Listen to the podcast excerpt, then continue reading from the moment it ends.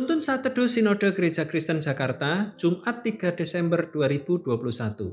Manfaat firman Tuhan 2 Timotius pasal 3 ayat 16 sampai 17.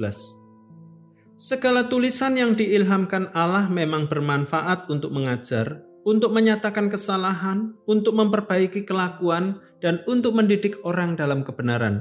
Dengan demikian, tiap-tiap manusia kepunyaan Allah diperlengkapi untuk setiap perbuatan baik. Hari-hari ini gereja sedang diperhadapkan dengan tantangan dari berbagai ajaran sesat. Misalnya saksi Yehova, gereja Tuhan yang Maha Kuasa, Mormon, dan sebagainya. Di dalam firman Tuhan, Rasul Paulus menekankan pentingnya mempelajari firman Tuhan. Mengapa demikian? Satu-satunya alasan karena pada waktu itu, bahkan sampai saat ini, banyak sekali pengajar-pengajar sesat yang menyusup di antara jemaat untuk menjauhkan mereka dari kebenaran firman Tuhan sebagai pedoman utama. Mengapa penting untuk mempelajari firman Tuhan? Banyak manfaatnya. Firman Tuhan merupakan sarana utama untuk membawa kita semakin mengenal Allah. Firman Tuhan juga menolong kita untuk hidup dalam kebenaran, mempercayai janjinya, serta mengerti apa kehendak dan rencananya bagi kehidupan kita. Tuhan menghendaki agar setiap kehidupan anak-anaknya menjadi semakin serupa Kristus.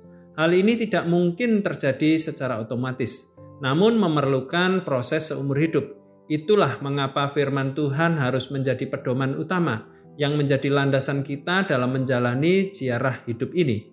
Mengikut Tuhan selama bertahun-tahun bukanlah jaminan orang mengalami pertumbuhan rohani. Kedewasaan rohani seseorang terlihat dari buah yang dihasilkan. Untuk menghasilkan buah dalam kehidupan ini, syaratnya adalah hidup yang tunduk dalam terang firman.